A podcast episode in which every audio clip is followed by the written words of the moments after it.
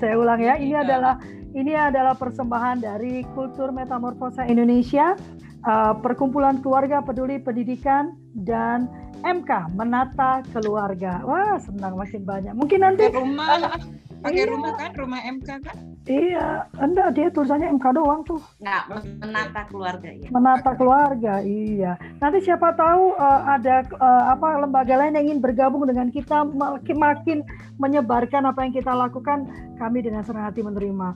Uh, dan pagi ini setelah itu kami akan ngobrol bertiga membicarakan mendiskusikan apa yang sudah kita dengarkan pagi ini lewat Instagram Live Menata Keluarga dan masuk ke podcast oh, Pak Trigun segalanya kita pakai yang Maksimal. penting iya kita maksimalkan semua uh, saluran sosial media.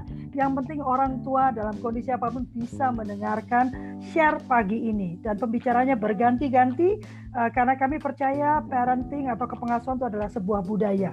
Karena itu kami tidak bisa memaksakan satu bentuk parenting tertentu. Kami berikan pilihan uh, nanti keluarga yang akan uh, memilih mana yang pas dengan tata nilai yang mereka anut. Tuh uh, bisa loh Pak uh, Pak uh, Pak Trigun bergabung juga. kan belum banget, belum ya. terlihat di YouTube ya. Belum, sudah sebentar nanti sini aku share ininya ya. Makanya harus aku buka dulu baru aku serahkan. Kalau enggak nggak bisa ngomong sambil nge-share. ya, uh, aku serahkan saya serahkan pagi ini ke Kak Meli. Silakan Kak Meli, saya sambil bagikan link dulu. Ya, selamat pagi semua teman-teman. Wah, ini bapak-bapak hebat nih sudah ada tiga bapak yang sudah nongkrong. Berarti tiga lawan tiga nih Pak hari ini Pak. Ini, ini dari dari timur dan barat loh. Pak ah, Masri keren banget. Terima kasih Sumba. banyak Pak Masri, Pak Halim dan Pak Gunadi. Terus sama teman-teman ya kepada Bu Julis, Bu Minati, Bu Fikria. Kalau Bu Riaksi, kalau masih sedikit saya masih bisa sebutin satu-satu. Nanti kalau udah banyak udah nggak bisa lagi. Kita ketemu lagi ya eh, dengan teman-teman yang nggak asing sih sebenarnya ya. Saya kalau lihat uh, lihat Mbak Di nih ya, kayaknya rasanya pengen mandi terus kalau saya lihat Mbak Di. Makanya hari ini saya tidak ngeblow rambut saya untuk mencocokkan kita punya tamunya. Jadi karena tamu barusan mandi, kelihatan rambutnya masih basah kan. Jadi saya juga basah-basahin rambut saya. Halo Mbak Di, apa kabar? Halo, kabarnya luar biasa. Semangat pagi semuanya. Kalau Fli, Bu Yanti, Pak Trigun, bapak-bapak yang hebat, ibu-ibu. Semuanya sehat selalu ya. Ya, Kak Lovely, kalau kalau lihat-lihat uh, Mbak Di gitu ya saya selalu ngelihat kayaknya dia tuh kayak ada sayap burung garudanya gitu loh. jadi Pancasila banget gitu ya. Jadi ya, jadi ini adalah saat yang sangat tepat sekali kita untuk mikirkan tentang bonus demografi Indonesia sebenarnya ya. Jadi pagi ini topik yang akan dibawa oleh Mbak Di ini luar biasa banget bagaimana mencerdaskan bayi-bayi gitu ya. Saya jadi bingung nih nanti bayi begitu lahir langsung mah handphone dong gitu. langsung ya, jadi kita ya jadi kita belajar nih apa sih yang harus kita persiapkan untuk generasi Indonesia yang akan datang. Hari ini dia bayi, tapi 10 tahun yang akan datang, 20 tahun yang akan datang dialah yang akan mengisi bonus demografi Indonesia. Betul ya Mbak Di? Betul. Oke, okay, bagi dan teman-teman. Nah, saya saya berikan waktu yang istimewa ini buat tamu kita, Mbak Di. Uh, silakan Mbak Di, waktunya 25 menit dari sekarang. Ya, tepat ya, ya Mbak Di. Insya Allah, ya, insya biar teman-teman bisa bertanya. Terima kasih. Okay. Silakan. Assalamualaikum warahmatullahi wabarakatuh. Salam sejahtera untuk kita semua. Shalom, Om Swastiastu, Namo Buddhaya, salam kebajikan. Namo Uh, silakan panggil nama saya dengan Diana saja suatu kehormatan diundang ya ketemu dengan teman-teman diundang oleh kultur parenting oleh Bu Yanti, oleh Kalofli, oleh Bu Meli dan ketemu dengan sahabat-sahabat yang sangat luar biasa. Terima kasih kepercayaannya sehingga saya bisa berbagi pada hari ini.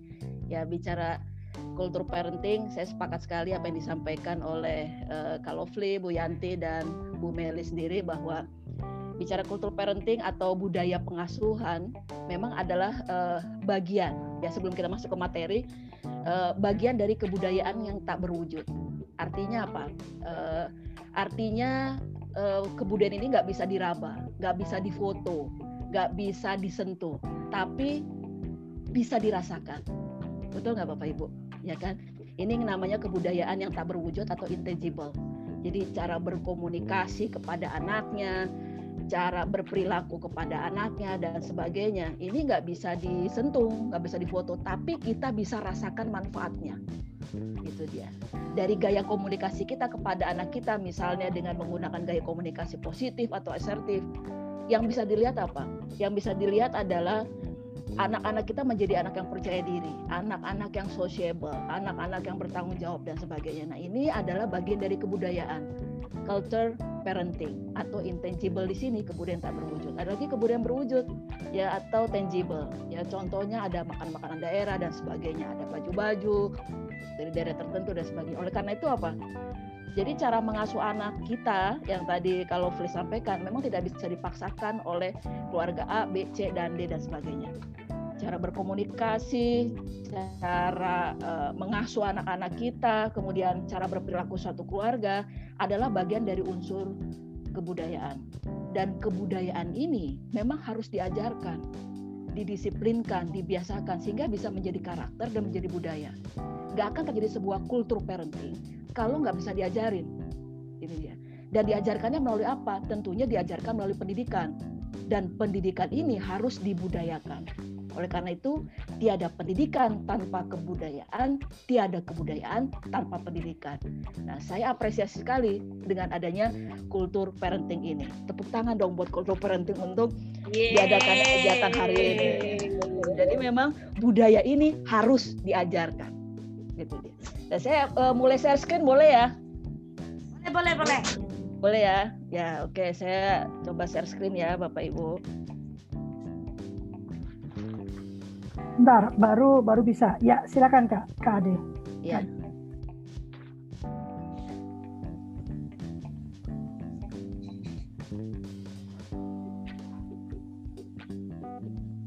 Apakah terlihat?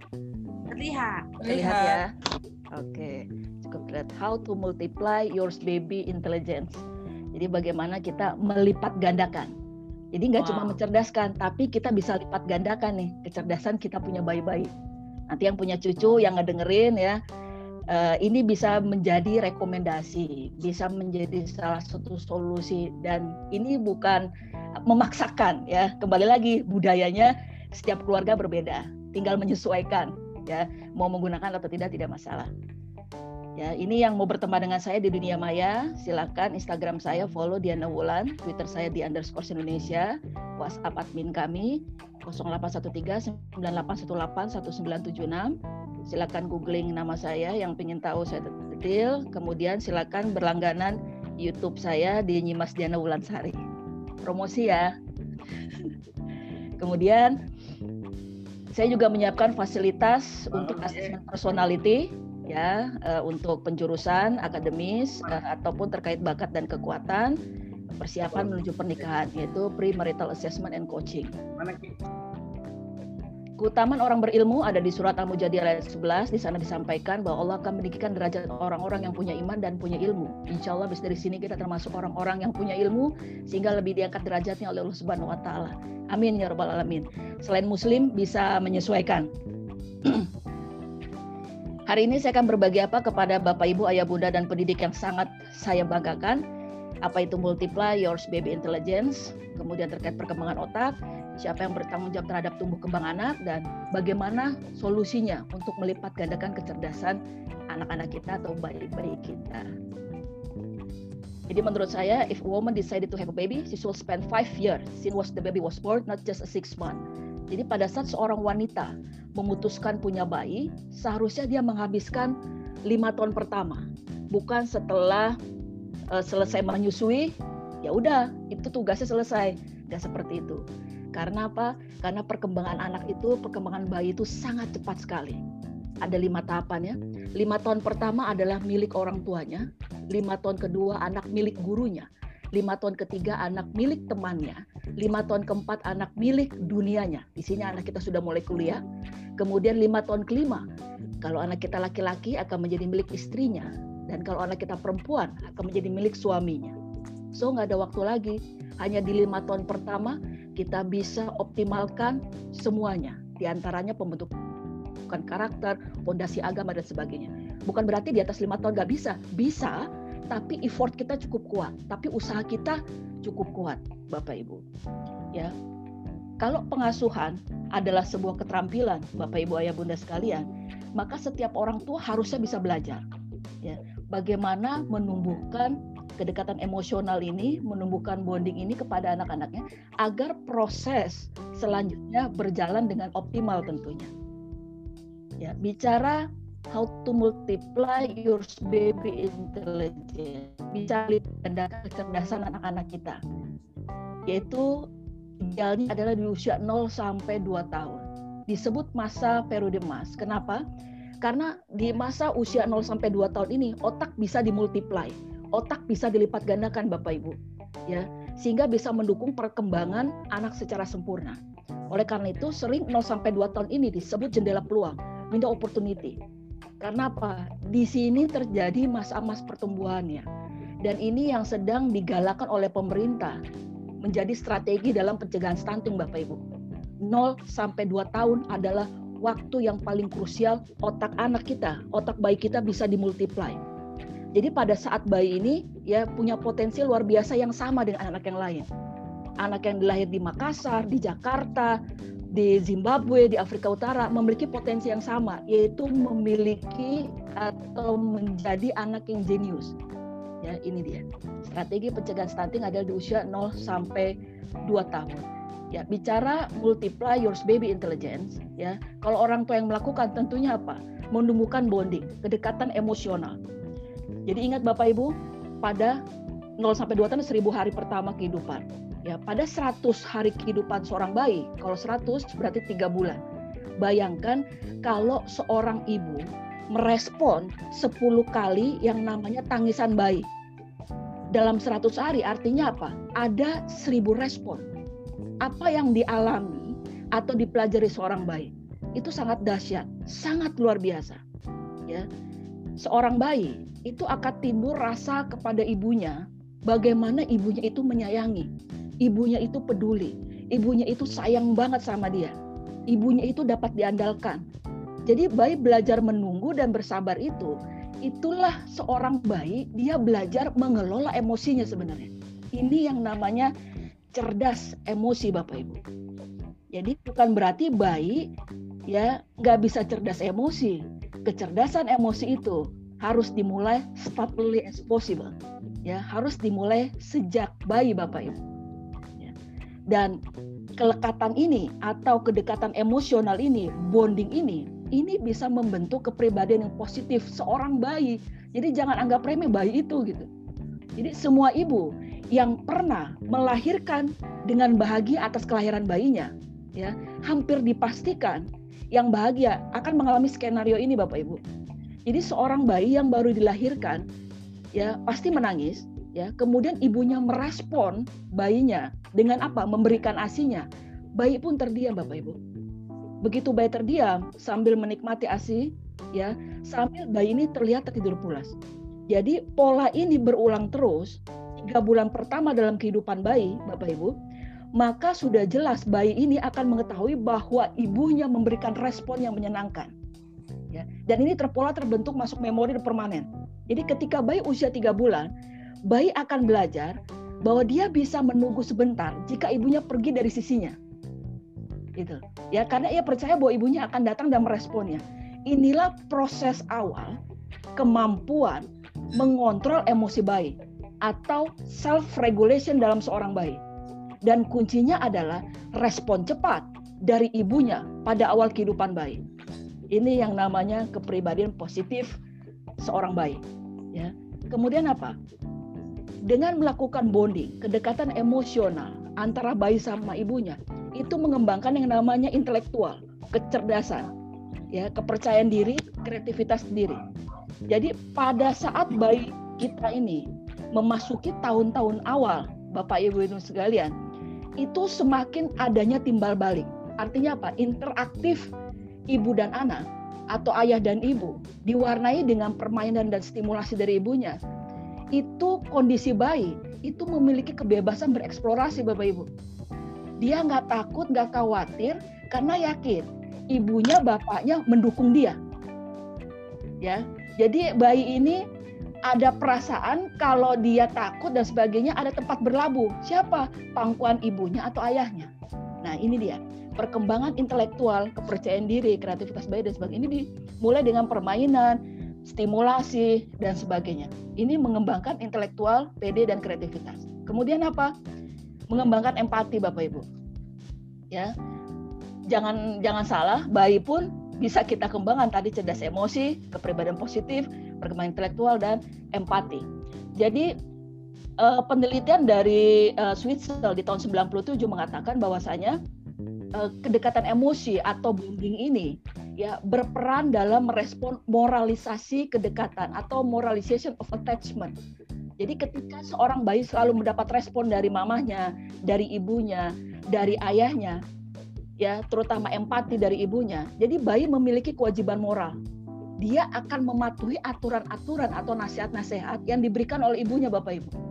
Nah, ketika bayi memiliki kewajiban moral ini, semua nilai-nilai yang didapatkannya itu tertanam. Ya, tertanam di dalam apa? Di dalam otaknya, di dalam benaknya, bahwa ini akan menjadi standar moral dia ke depannya. Nah, ini bayi. Ya, itulah hebatnya otak bayi. Jadi jangan underestimate dengan anak kita, terutama dengan bayi kita. Sehingga apa? Sehingga berpengaruh hingga dewasa Bapak Ibu ya berpengaruh hingga dewasa. Ya kecenderungan remaja yang brutal yang nakal itu nggak ada. Kalau dari proses bayinya bagus bapak ibu. Ya. Jadi menurut Waters di tahun 2000 dia melakukan penelitian bahwasanya ya studi jangka panjang yang mengukur tingkat kelekatan antara ibu dan bayi dia mencoba kepada 60 sampel bayi Bapak Ibu. Hasilnya membuktikan bahwa pengalaman kedekatan emosional pengaruhnya dari kecil itu bisa stabil dewasa sampai dewasa Bapak Ibu.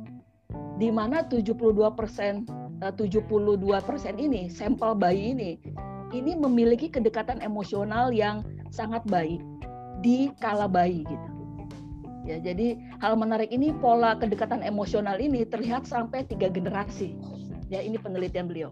Jadi penting sekali membangun yang namanya kedekatan emosional antara bayi dengan ibunya atau dengan ayahnya juga. Ya, dengan kita melakukan multiply kepada anak-anak kita, ya adanya kedekatan emosional dan kita tahu kita sebagai orang tua bisa mendeteksi atau mengidentifikasi awal penyimpangan-penyimpangan pertumbuhan apa yang terjadi sama anak kita. Misalnya apa? Status gizi yang buruk, ya anak jadi pendek. Ya di sini eh, apa? Seperti yang Bu Meli sampaikan, nggak bisa dapetin bonus demografi ataupun generasi emas ya di sini. Kemudian penyimpangan-penyimpangan perkembangan lainnya. Jadi kemampuan anak terlambat bicara karena orang tua ya nggak dekat. Gimana dia mau tahu perkembangan anaknya kalau orang tua sekilas doang terhadap tumbuhan bayi-bayinya ataupun perkembangan bayi-bayinya. Kemudian penyimpangan mental emosional anak ya misalnya gangguan konsentrasi, hyperaktif dan sebagainya. Kalau orang tua yang melakukan bonding ini, kedekatan emosional ini, dia bisa melakukan yang namanya identifikasi awal terhadap perkembangan atau tumbuh kembang anak-anaknya, tumbuh kembang bayi-bayinya. Nah, kita bicara perkembangan otak. Ya, kita tahu bahwasanya semua anak lahir cerdas. Ya, tidak ada anak yang bodoh dan orang tua yang bikin bodoh anaknya sebenarnya. Ya, dikasih modalnya sama. Ya, di surat Atin ayat 4 di sana disampaikan Allah menciptakan manusia dalam bentuk yang sebaik-baiknya. Mohon maaf selain muslim bisa menyesuaikan dikasih modal menurut Tony Buzan sama. Ini angka berapa nih Bapak Ibu? Satu triliun neuron, satu triliun sel saraf. Anak di Jakarta sama anak di Zimbabwe, sama anak di Afrika Utara, sama anak di Aceh, sama anak di Jogja, sama dikasih modalnya Bapak Ibu. Ya, memiliki kemampuan yang sama di sini. Ya, menurut Tony Buzan di sini 100 miliar trisel sel aktif dan dia bisa membuat sambungan. Ya, sambungan-sambungan ini ya ini menjadi uh, miliaran lagi. Jadi seorang bayi yang kalau ya dikasih uh, stimulasi misalnya bayi nol hari itu udah kita bisa stimulasi Bapak Ibu. Ini namanya kartu visual stimulation card. Ya. Ini kita kasih center Bapak Ibu, jaraknya 45 cm. Katakan Garuda Pancasila. Ini dia kita center jaraknya 45 cm. Diulang-ulang ya, tahan 10 detik, masuk memori permanen Bapak Ibu. Ya, tahan 10 detik sehari ya kita bisa ulang ya sampai dengan uh, tiga kali Bapak Ibu. Setelah tahan 10 detik, kita bisa kasih visual stimulation cut lagi. Center 45 detik ya di sini center bukan ke matanya tapi ke kartunya. Ya, di sini, tapi ke kartunya. Sambil bilang bintang. Ini adalah sila pertama Bapak Ibu. Ya. Jadi kita bisa tanamkan nilai-nilai dasar Pancasila start early as possible kepada anak-anak kita Bapak Ibu. Ya, jadi ini penting sekali. Jadi pada saat seorang bayi kita stimulasi dengan visual stimulation card, ini langsung Bapak Ibu zup nyambung sinapsisnya. Ya 3 miliar per detik Bapak Ibu. Kalau dari bayi kita bisa optimalkan, kita bisa multiply.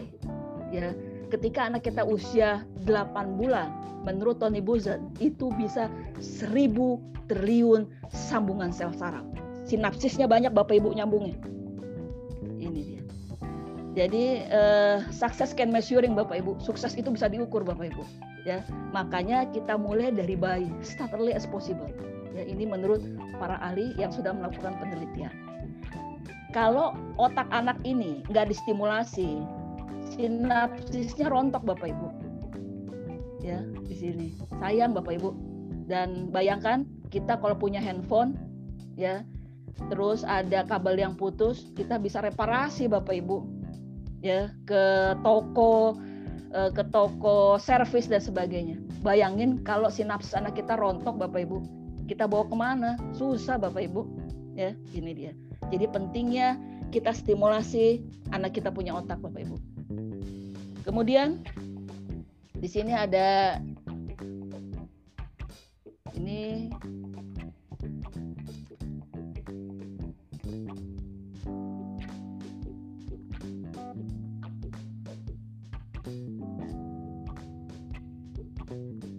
ini tidak mau diteruskan ya.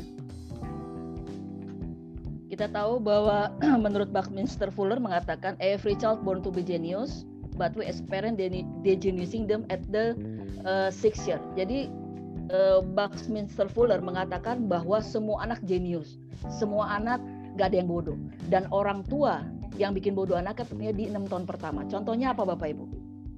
Kadang-kadang kita yang punya anak kecil ya di rumah ya itu menyiapkan uh, fasilitas yang bagus misalnya ada bunga yang kristal-kristal yang dari kaca, ada sofa-sofa yang bagus dan sebagainya. Begitu anak kita usia satu tahun lompat-lompat di atas sofa, kita pasti apa? Marah ya bapak ibu ya. Eh jangan jangan, Eh, aduh jangan, bagus tuh, jatuh. ah, nanti jatuh gitu.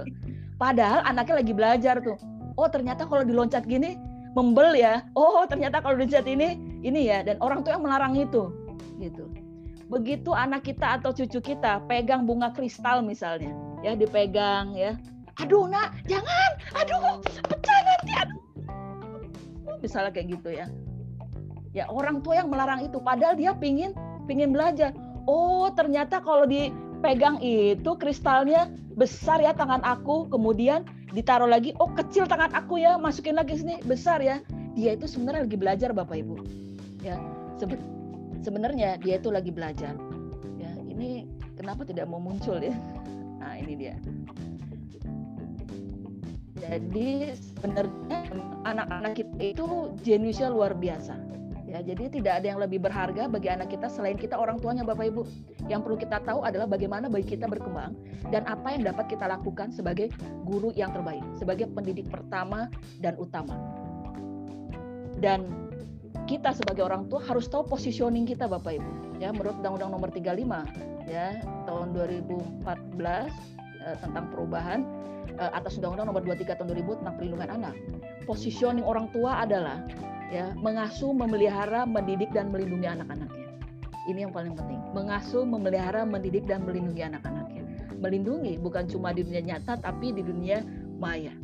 Ya, kemudian apa? Menumbuh kembangkan bakat sesuai dengan kemampuan anak-anaknya. Kemudian mencegah perkawinan anak ya dan memberikan pendidikan karakter. Ini penting sekali. Ada di undang-undang Bapak Ibu orang tua yang tahu positioning, dia akan menjalankan perannya yang 3A. Apa itu 3A? Asuh, asih, dan asa. Orang tua yang tidak tahu positioning, dia tidak akan menjalankan perannya yang 3A, Bapak Ibu. Jadi penting sekali orang tua tahu positioningnya dia sebagai orang tua. Bukan cuma orang tua si Fulan, tapi dia tahu menjalankannya bahwa saya orang tua Fulan harus menjalankan beberapa uh, hal yang uh, menjadi hak anak.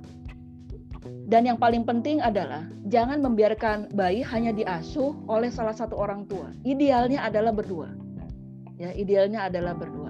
Ya, dan perhatian dan kerjasama ayah dan bunda sangat diperlukan apa? Untuk membuat bayi tumbuh dengan sehat dan optimal sesuai dengan kemampuannya.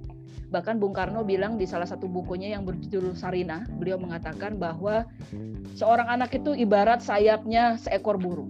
Jadi kalau sayap burung ini patah satu, dia nggak bisa sampai ke puncak Bapak Ibu. Ya, dia akan terseok-seok sampai ke puncak. Artinya apa? Butuh peran orang tua yang seimbang Bapak Ibu. Untuk apa? Bisa bawa anaknya terbang tinggi Bapak Ibu. Nah, ini kata Bung Karno di dalam bukunya Sarinah Bapak Ibu. Jadi penting sekali peran orang tua yang seimbang. Ya, tiga tips pengasuhan peran ayah yang harus dilakukan yang terlibat dalam pengasuhan bayinya adalah ayah harus terlibat atau turut andil di dalam merawat bayinya ya melakukan aktivitas bersama anaknya dan menciptakan komunikasi yang positif dan hangat. Karena apa? Banyak ayah ya yang tidak terlibat dalam pengasuhan. Banyak anak yang sudah merasa yatim sebelum waktunya Bapak Ibu. Karena apa? Banyak ayah yang tidak terlibat dalam pengasuhan. Ini dia. Solusi dan implementasinya untuk melipat gandakan, untuk multiply your baby intelligence, berikut rekomendasinya. Kembali lagi budaya parenting, culture parenting ya bisa menyesuaikan keluarga masing-masing. Ini dia pola tiga asuh, asih, dan asah. Asuh memenuhi kebutuhan gizi, nutrisi, imunisasi, kebersihan diri dan lingkungan, pengobatan dan bermain. Ya, kebutuhan gizi dan nutrisi ini penting sekali Bapak Ibu. Kualitas seorang anak gak cuma ditentukan dari makanannya saja, jenis makanan saja.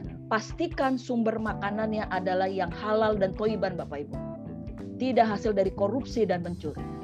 Ya. Walaupun 5000 has didapatkan dari yang enggak halal, itu juga namanya korupsi Bapak Ibu. Karena itulah yang masuk ke dalam jiwa-jiwa anak kita di rumah Bapak Ibu. Karena itulah yang memberikan kepada anggota makan anggota kita di rumah Bapak Ibu. Kembali lagi, memenuhi kebutuhan gizi dan nutrisi, pastikan yang Anda bawa pulang adalah yang halal dan toiban. Kemudian AC, ya menciptakan rasa aman, nyaman, tentram, terhindar dari kekerasan, ya di sini. Kemudian asah melakukan stimulasi rangsangan dini dan bukan tugas sekolah semata-mata Bapak Ibu. Kita sebagai orang tua, sebagai pendidik dan uta, pendidik pertama dan utama, ya karena ayahnya ya tentunya akan bernasab kepada Allah Subhanahu Wa Taala yang akan diminta pertanggungjawabannya bukan kepala sekolahnya, bukan guru agamanya, bukan ustadznya, tapi orang tua sebagai pendidik pertama dan utama yang melakukan stimulasi rangsangan dini pada semua aspek perkembangannya. Ya, lima indera itu harus distimulasi Bapak Ibu. Jadi pada saat kita e, memberikan stimulasi seperti eh, kartu-kartu seperti ini, ya, ini bisa dimulai setelah tiga bulan Bapak Ibu, ya, bisa dimulai setelah tiga bulan. Tadi kalau kartu yang hitam putih, ya, ini bisa di bawah tiga bulan Ya, ini untuk multiply baby intelligence ini penting sekali. Misalnya kayak seperti ini. Ya. Jeruk, cherry, leci, sawo, apel. Ya, ini. Pada saat kita kasih flashcard seperti ini kepada bayi kita, kira-kira apa yang distimulasi? Penglihatan dan pendengaran.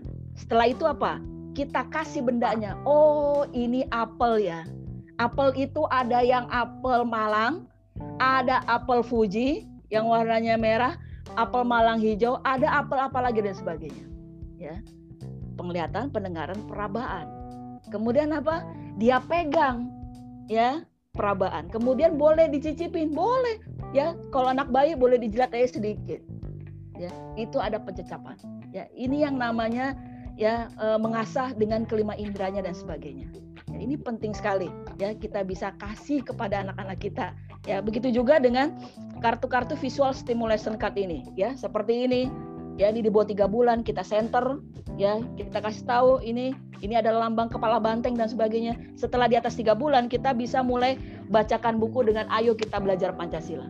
Ya, kita bisa uh, menimbulkan literasi sejak dini, ya kepada bayi-bayi kita. Ya, dongeng, ngoceh aja, ya mengajarkan literasi dasar kepada bayi-bayi kita itu dengan membacakan buku, dengan mendongeng kepada anak-anak kita. Ini penting sekali. Asa, asih dan asuh ya. Ini dari bayi ya. Kemudian apa? Ini praktek ya. Jadi saya menggunakan ini kepada anak saya 20 tahun yang lalu. Jadi ini saya berikan kepada anak saya seperti ini. Ini namanya BOI, Bit of Intelligence. Melakukan stimulasi rangsangan dini. Pada saat kita stimulasi ini, ini kita bilangnya apa? Kupu-kupu, kupu-kupu, kupu-kupu, kupu-kupu. Betul? Tapi kalau bayi kita kasih seperti ini. Spanish moon moth, Queen Alexander birdwing, Madagascar sunset moth, Luna moth, Japanese emperor, tiger swallowtail. Dia langsung lihat, "Heh. Apa itu ya? Kok bunyinya beda ya?" Itu dia. Ya, jadi bayi kita itu sungguh luar biasa.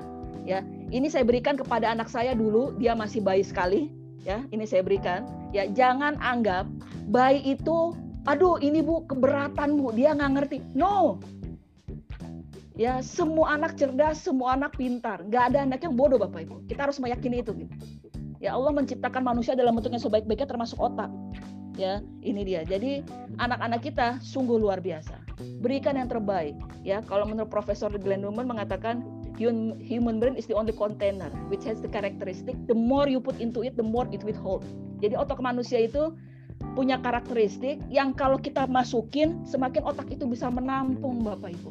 Jadi jangan anggap bayi, aduh Bu, nanti stres Bu, otak bayi meletus Bu, keluar asap Bu. Enggak. Jadi otak anak itu sungguh luar biasa. Ya, ini dia. Jadi stimulasi ini, ayah bunda, bapak ibu dan sebagainya ini harus menit lagi ya Mbak Di. Oke siap. Ya stimulasi ya. harus dilakukan dengan sengaja, bukan secara kebetulan ya jadi jangan bilang oke okay, nanti kalau ayah pulangnya tepat waktu nanti gantian ya ya nanti ayah yang yang stimulasi jadi memang harus dijadwalkan jangan sisa energi kita berikan kepada anak-anak kita anda bisa bikin maju perusahaan orang bisa bikin maju perusahaan anda ya tapi jangan sampai anak anda nggak bisa anda bikin maju bahagianya bareng-bareng dong jangan bahagia sendiri gitu nggak fair ya kemudian ini adalah profile development program dari uh, Profesor Dr. Glenn Doman. Nah, ini tahapan perkembangannya yang mesti dicapai oleh uh, seorang anak. Nah, kemampuannya adalah seperti ini. Jadi tahapan pertama bayi adalah telentang ya di sini. Kemudian uh, ada merayap ya. Setelah merayap ini harus merangkak. Ya ini merayap di usia setelah satu hari ya empat hari kita tebalikin bayi ya dia akan berusaha mengangkat kepalanya sehingga banyak oksigen yang masuk ke otaknya ya diafragmanya kebuka dan seterusnya. Ini merangkak ya, merangkak ini seperti ya menahan gaya gravitasi. Jadi lututnya sama telapak tangannya itu harus sentuh. Kalau merayap tadi seperti reptile. Kemudian berjalan, berjalan ini juga harus crossing, kanan kiri kanan kiri tidak kanan kanan tidak kiri kiri. Ya, ya orang tua bisa mengidentifikasi awal kalau anak kita bermasalah dan sebagainya. Kemudian berlari, ya dan ada refleks yang harus kita stimulasi. ada cahaya, Babinski genggam. Ya cahaya di sini, ya bayi-bayi yang baru lahir, ya di sini ada refleks kaget. Refleks kaget ini dipertemukan kayak balok kecil di, di teng gitu. Dia nyari nggak? Nah ini untuk stimulasi pendengaran. Ada lagi yang uh, refleks Babinski atau refleks geli, ya kalau kita ke atas berarti dia kakinya akan ke atas kalau kita ke bawah di sini dia refleksnya akan nutup kakinya dan sebagainya. Ini bisa dilakukan oleh orang tua. Ya, kemudian ada refleks genggam ya. Bayi kalau diangkat begini dia akan bisa ya e, dengan mudah kita angkat. Dan cara yang kedua tentunya ya setelah praktek pola 3A setelah itu harus dilakukan. Jangan cuma jadi wacana saja ya sehingga kita bisa tahu apa yang menjadi masalah atau kendala dalam pola pengasuhan kita. Demikian Bapak Ibu, semoga bermanfaat apa yang saya paparkan dan semoga berkenan. Wabila taufik walidayah. Wassalamualaikum warahmatullahi wabarakatuh. Shalom, Om Santi Santi Santi Om. Terima kasih. Waduh, luar biasa sekali ya Mbak Di. Aku rasanya kayak pengen punya anak lagi, nggak mungkin Mbak Di gitu. Jadi nunggu cucu, nunggu cucu, nungguin cucu. cucu ya. Kak Yati dari tadi udah mikirin cucu. Iya, iya. Asik banget. Kayaknya rasanya ada ada sedikit-sedikit penyesalan gitu ya baru kenal sama Mbak Di nih Betul. gitu ya. Anak saya nggak bisa merangkak loh dulu tiga-tiganya dan saya tidak stimulasi itu. Oh, ya sekarang soalnya banyak banget buat cucu ya Bu Yanti. Iya dekat ke mana-mana Mbak Yanti. Sekarang rumahnya iya. dekat ke mana-mana, ke kamar mandi dekat, ke dapur dekat, ke kamar dekat. Jadi nggak ada tempat buat merangkak ya. ya. Di apartemen ya. Ya Mbak Di.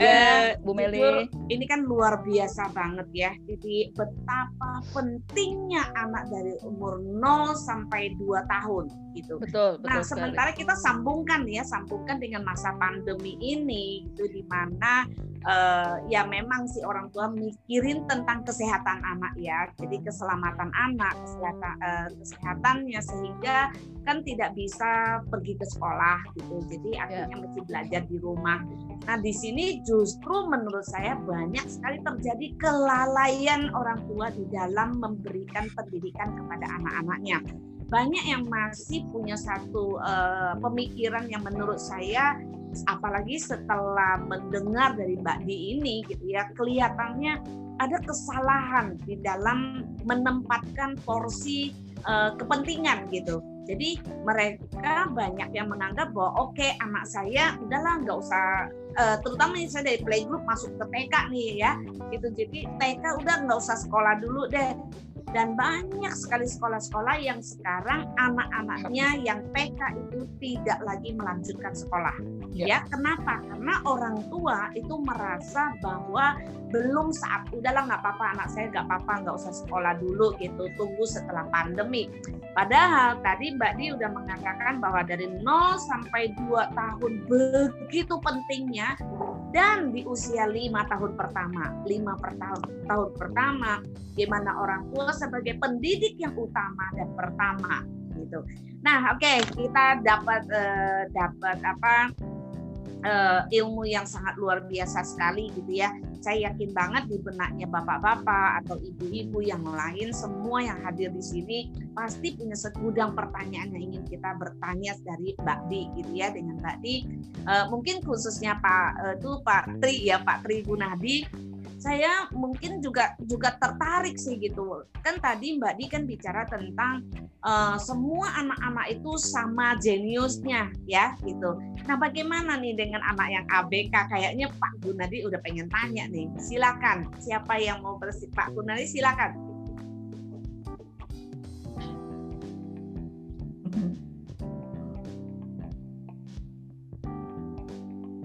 Di unmute dulu Pak banyak pertanyaan nih Badi. Boleh, boleh Pak Trigun.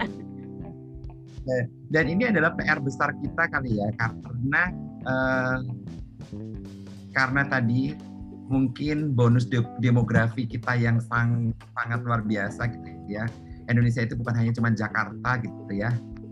Dan boro-boro Jakarta aja masih banyak uh, orang tua yang tidak memperdulikan tadi stimulasi tadi dan boro-boro dia uh, melakukan stimulasi pakai uh, uh, smart card tadi itu yang sekitar berapa detik gitu ya. Karena banyak banyak orang tua yang penting ada anaknya disui uh, mandiin tidur selesai gitu tuh. Jadi uh, in, ini yang menjadi PR PR kita semua untuk um, bagaimana ya mungkin aksi setelah ini kali ya. Jadi uh, pelatihan atau seminar ini bukan hanya berhenti di sini, tapi tindak lanjut untuk membuat gerakan stimulasi uh, seribu hari pertama itu dua tahun pertama itu untuk membuat bayi cerdas seperti yang Mbak Dit tadi sudah, sudah sampaikan itu actionnya habis ini apa nih? ini nih. Jadi mungkin Mbak Dit punya ide buat uh, kita semua bergerak untuk membantu mencerdaskan semua anak bangsa karena gini sebenarnya ujung tombak kita kan ibu-ibu itu tapi ibu-ibu itu kan boro-boro ngerti gitu. Kita mau berkuar-kuar di sini di YouTube mereka nonton gak nonton YouTube gitu. Jadi ini yang PR kita nih uh, dan sebenarnya kalau kita melihat uh, um, ini sangat sangat akan mud, agak dipermudah kalau kita itu nyekel uh, penggedenya gitu istilahnya orang Jawa. Jadi melibatkan melibatkan uh, negara ini untuk membuat orang tua orang tua itu sadar stimulasi sejak ini mungkin dari mulai kader-kader posyandu dan semua supaya bayi-bayi ini cerdas. Dan 20 tahun yang akan datang itu akan menjadi generasi penerus yang luar biasa gitu ya. Karena uh, semua nggak instan. gitu itu sih Badi jadi mungkin ya. pertanyaannya adalah apa nih kita uh, uh, PR kita habis ini nih tadi gitu ya. terima kasih nggak usah pak besok sabtu oke okay.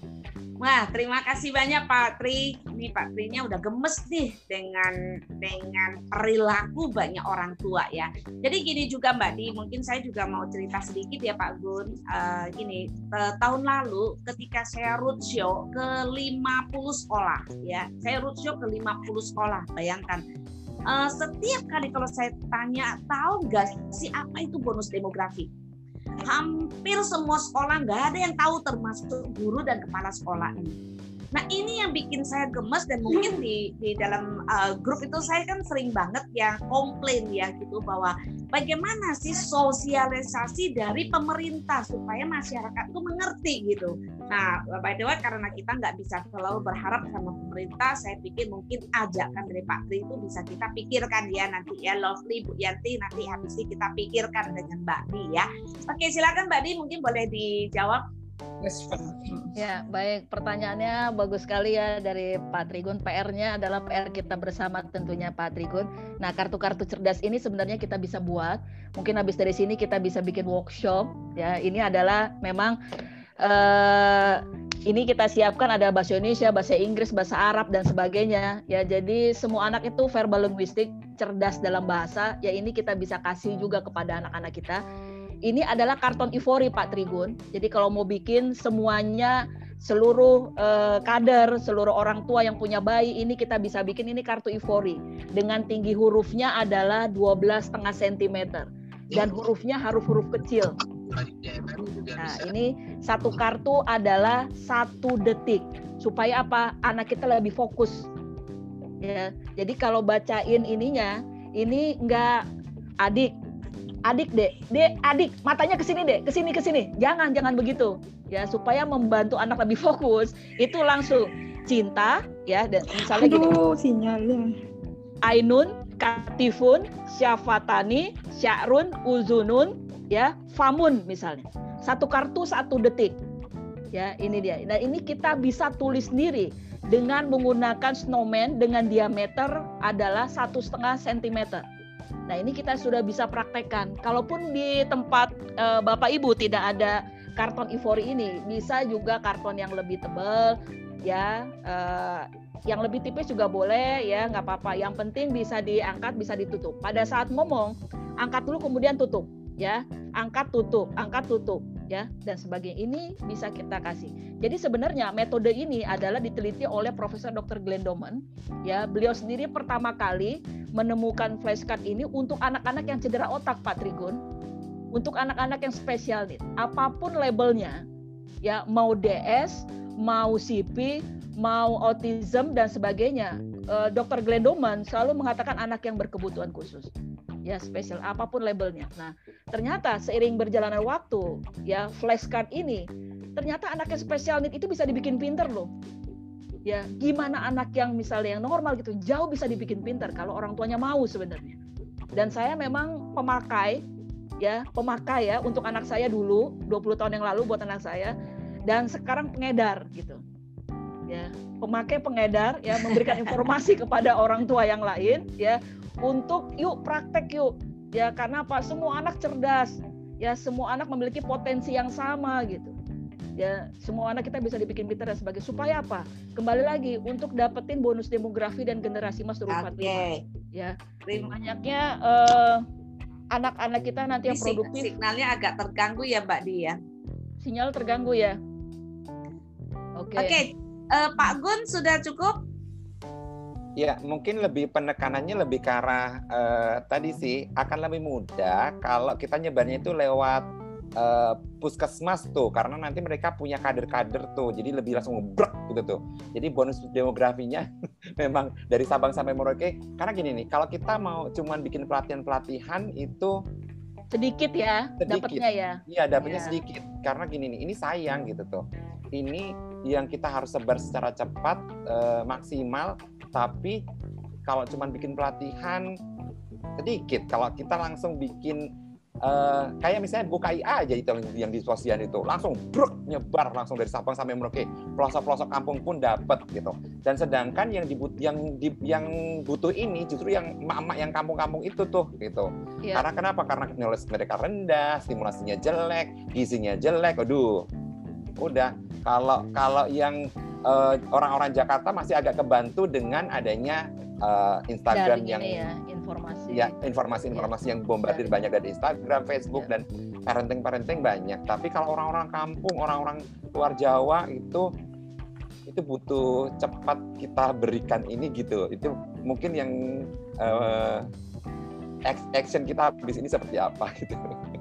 itu aja sih saran dari saya. Terima kasih. Keren banget Pak Trikun. Pak Trikun, tapi kali ini nggak lari loh ya. Kita benar-benar jalankan ini ya. Uh, setuju banget. Iya, aku. siap. Setuju banget aku. Kak Teh Yanti, jangan lupa. Biasanya kalau udah kayak gitu, uh, Teh Yanti, terus uh, Kak Meli yang harus bergerak. Langsung bergerak ya. ya. Iya, karena mereka yang sudah punya jalur-jalurnya kan. Gercep, gercep nih. Mm -mm, mm -mm. Ya, Mungkin gini, Pak Gun, eh, dari pengalaman saya ya. Jadi kenapa akhirnya saya membangun komunitas gitu ya karena saya sadari itu juga gitu Pak Gun. Jadi kadang-kadang kita tidak cukup hanya mendengarkan ilmu dari Mbak Di, uh bagus, dari Kak Yanti bagus, dari si ini bagus gitu kan. Nah habis itu kita nggak tahu bagaimana prakteknya. Nah ini yang saya pikir yang terjadi di dalam uh, apa uh, pemerintahan kita juga gitu ya. Dari maksudnya banyak banget hal-hal yang program-program dari pemerintah yang sangat bagus sekali, tetapi kesinambungannya itu yang selalu saya bicara tentang kesinambungan hubungannya. Jadi kenapa uh, kami misalnya dengan uh, Lovely dengan Kak Yanti kami pengen bikin yang namanya misalnya bimtek tapi dengan kita itu pendampingan. Sampai betul nggak sih orang-orang yang ikut di dalam bimteknya kita nanti kita dampingi gitu ya dia melakukan nggak praktek-praktek seperti itu gitu. Nah sebenarnya ini yang harusnya kita per perbesar gitu. Nah biasanya kalau orang-orang yang di daerah-daerah gitu ya nggak usah bilang orang daerah lah, orang yang di sini aja Jakarta kota besar aja. Dia kalau sudah dapat ilmu habis itu nggak tahu harus ngapain gitu. Nah ini yang saya pikir yang perlu kita perdalam Pak Tri. Ya, ada ada satu hal juga yang uh, mungkin perlu perlu menjadi perhatian kita ya karena anak terlalu digegas juga itu membahayakan. Jadi uh, apa ya uh, kami kami coba lihatlah uh, selama satu tahun hampir ya pandemi ini kan uh, di penghujung 2020 misalnya sebagai uh, perintis BDR belajar dari rumah uh, pas hari ayah tanggal 12 November kami ubah jadi MDR main di rumah. Saya senang dengan apa yang disampaikan oleh uh, Mbak Di. Idealnya waktu bermain. Uh, ini ini uh, memastikan ayah dan bunda mau main di rumah dengan anak-anak kita, uh, ya, terutama yang masih uh, usia dini. Ini kelihatannya yang perlu menjadi komitmen kita bersama karena anak-anak kita terkenal di berbagai perhelatan internasional tuh unggul sebagai individu, individu. Tapi secara keseluruhan literasi kita tuh masih negatif, masih uh, uh, dua terbawah gitu ya. Kenapa? Karena terlalu digegas. Banyak anak yang putus sekolah uh, dan tidak bisa membaca kembali karena uh, uh, jenuh ya, de jenuh dengan upaya-upaya uh, yang overstimulate. Saya agak gatel nih uh, bicara ini karena uh, uh, apa ya? Eh, cukup cukup melelahkan melihat uh, bagaimana upaya kita untuk mendorong agar para fasilitator nasional sekolah ramah anak bisa memastikan satuan pendidikan itu mulai dari anak usia dini termasuk di keluarga sampai sampai uh, apa sih usia anak uh, 18 tahun itu tidak menggegas anak karena uh, biar kita temani anak-anak kita untuk menemukan dan mengenali caranya untuk belajar.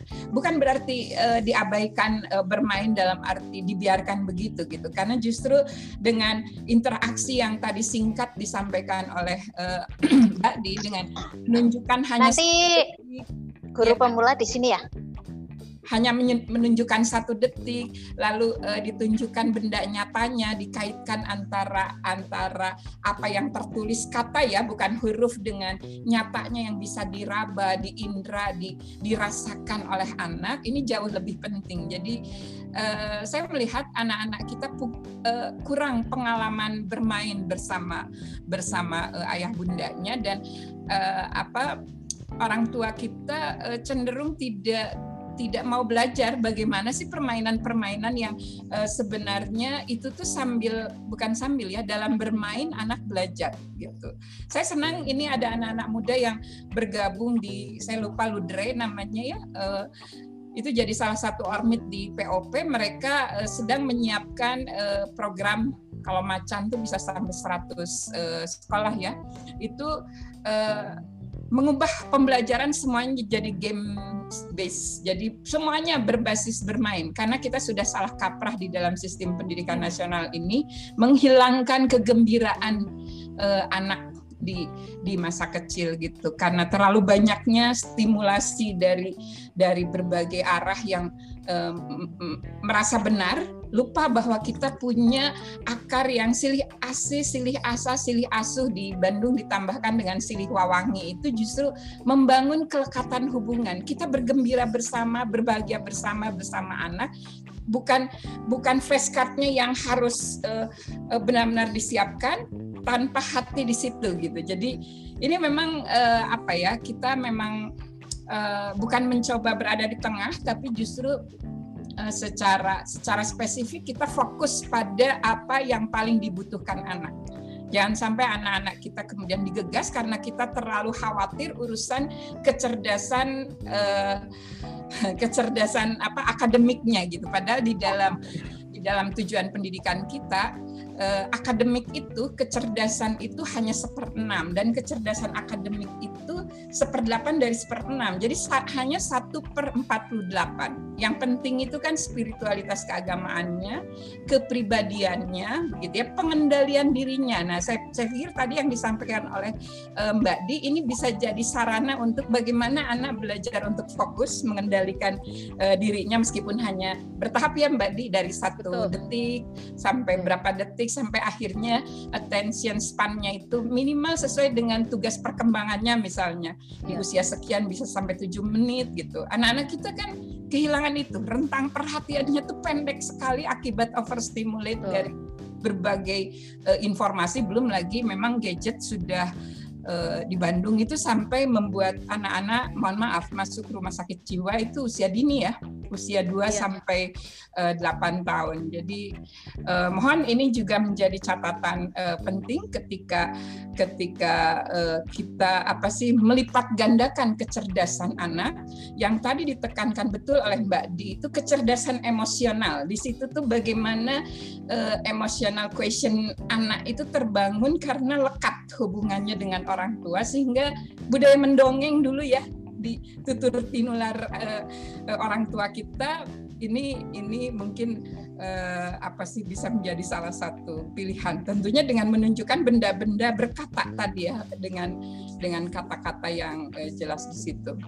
Saya mencoba ke tengah dikit ini sebenarnya karena ya. biasanya saya langsung okay. berhenti boleh ini ini ini ada yang yang bertanya kan ini kayaknya agak miskonsep ini kak Dini uh, satu huruf ya, itu kan sudah miskonsep ya.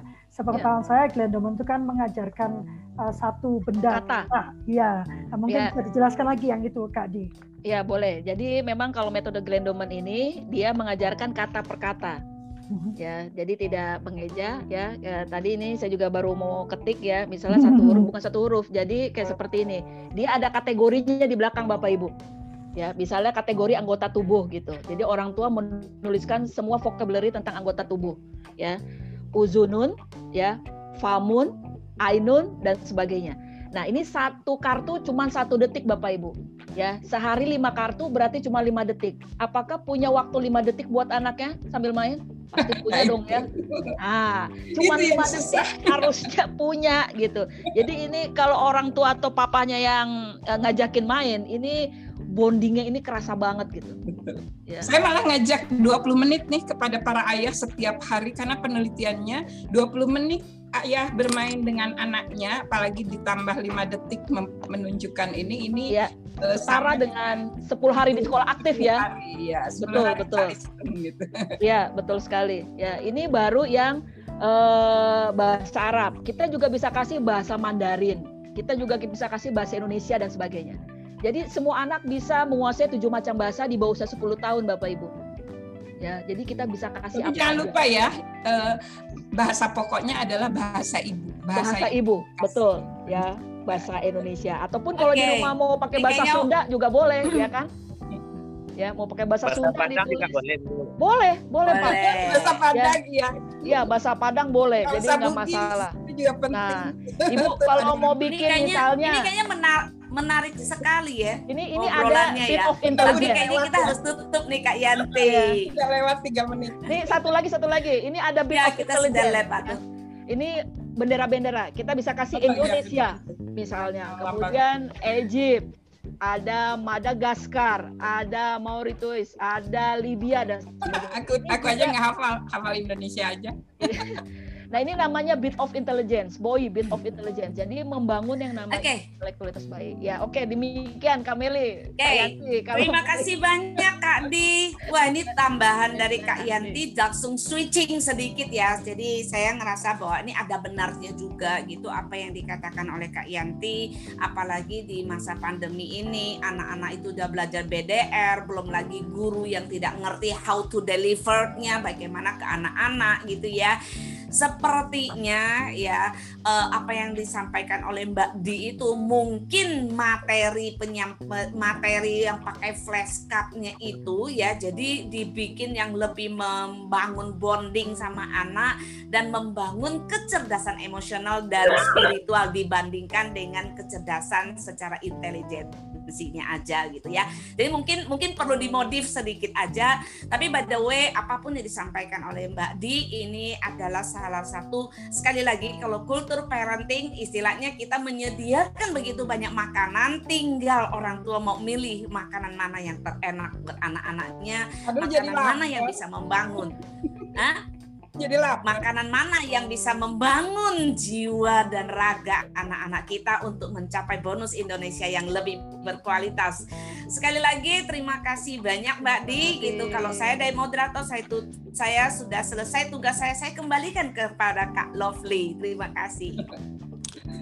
Wah, hari ini seru ternyata ya sangat seru diskusi kita pagi ini. Memang benar kalau menurut saya dalam parenting itu tidak bisa memakai satu saja uh, apa uh, konsep gitu ya. Uh, kita mesti memadukan banyak uh, metode, banyak konsep yang sudah tersedia uh, dan banyak tersedia di, di di Google sebetulnya. Kita nggak perlu nggak perlu lagi itulah kenapa saya kadang-kadang suka suka sedih kalau orang tua tuh masih mengandalkan nalurinya dalam melakukan parenting. Uh, Kak, Kak, Kak D misalnya, terus terang saya menggunakan uh, metode Glendoman itu saat anak kedua saya sangat kesulitan untuk belajar membaca. Jadi saya gunakan itu untuk dia uh, memahami kata ya, karena anak saya itu lebih ke apa namanya itu visual.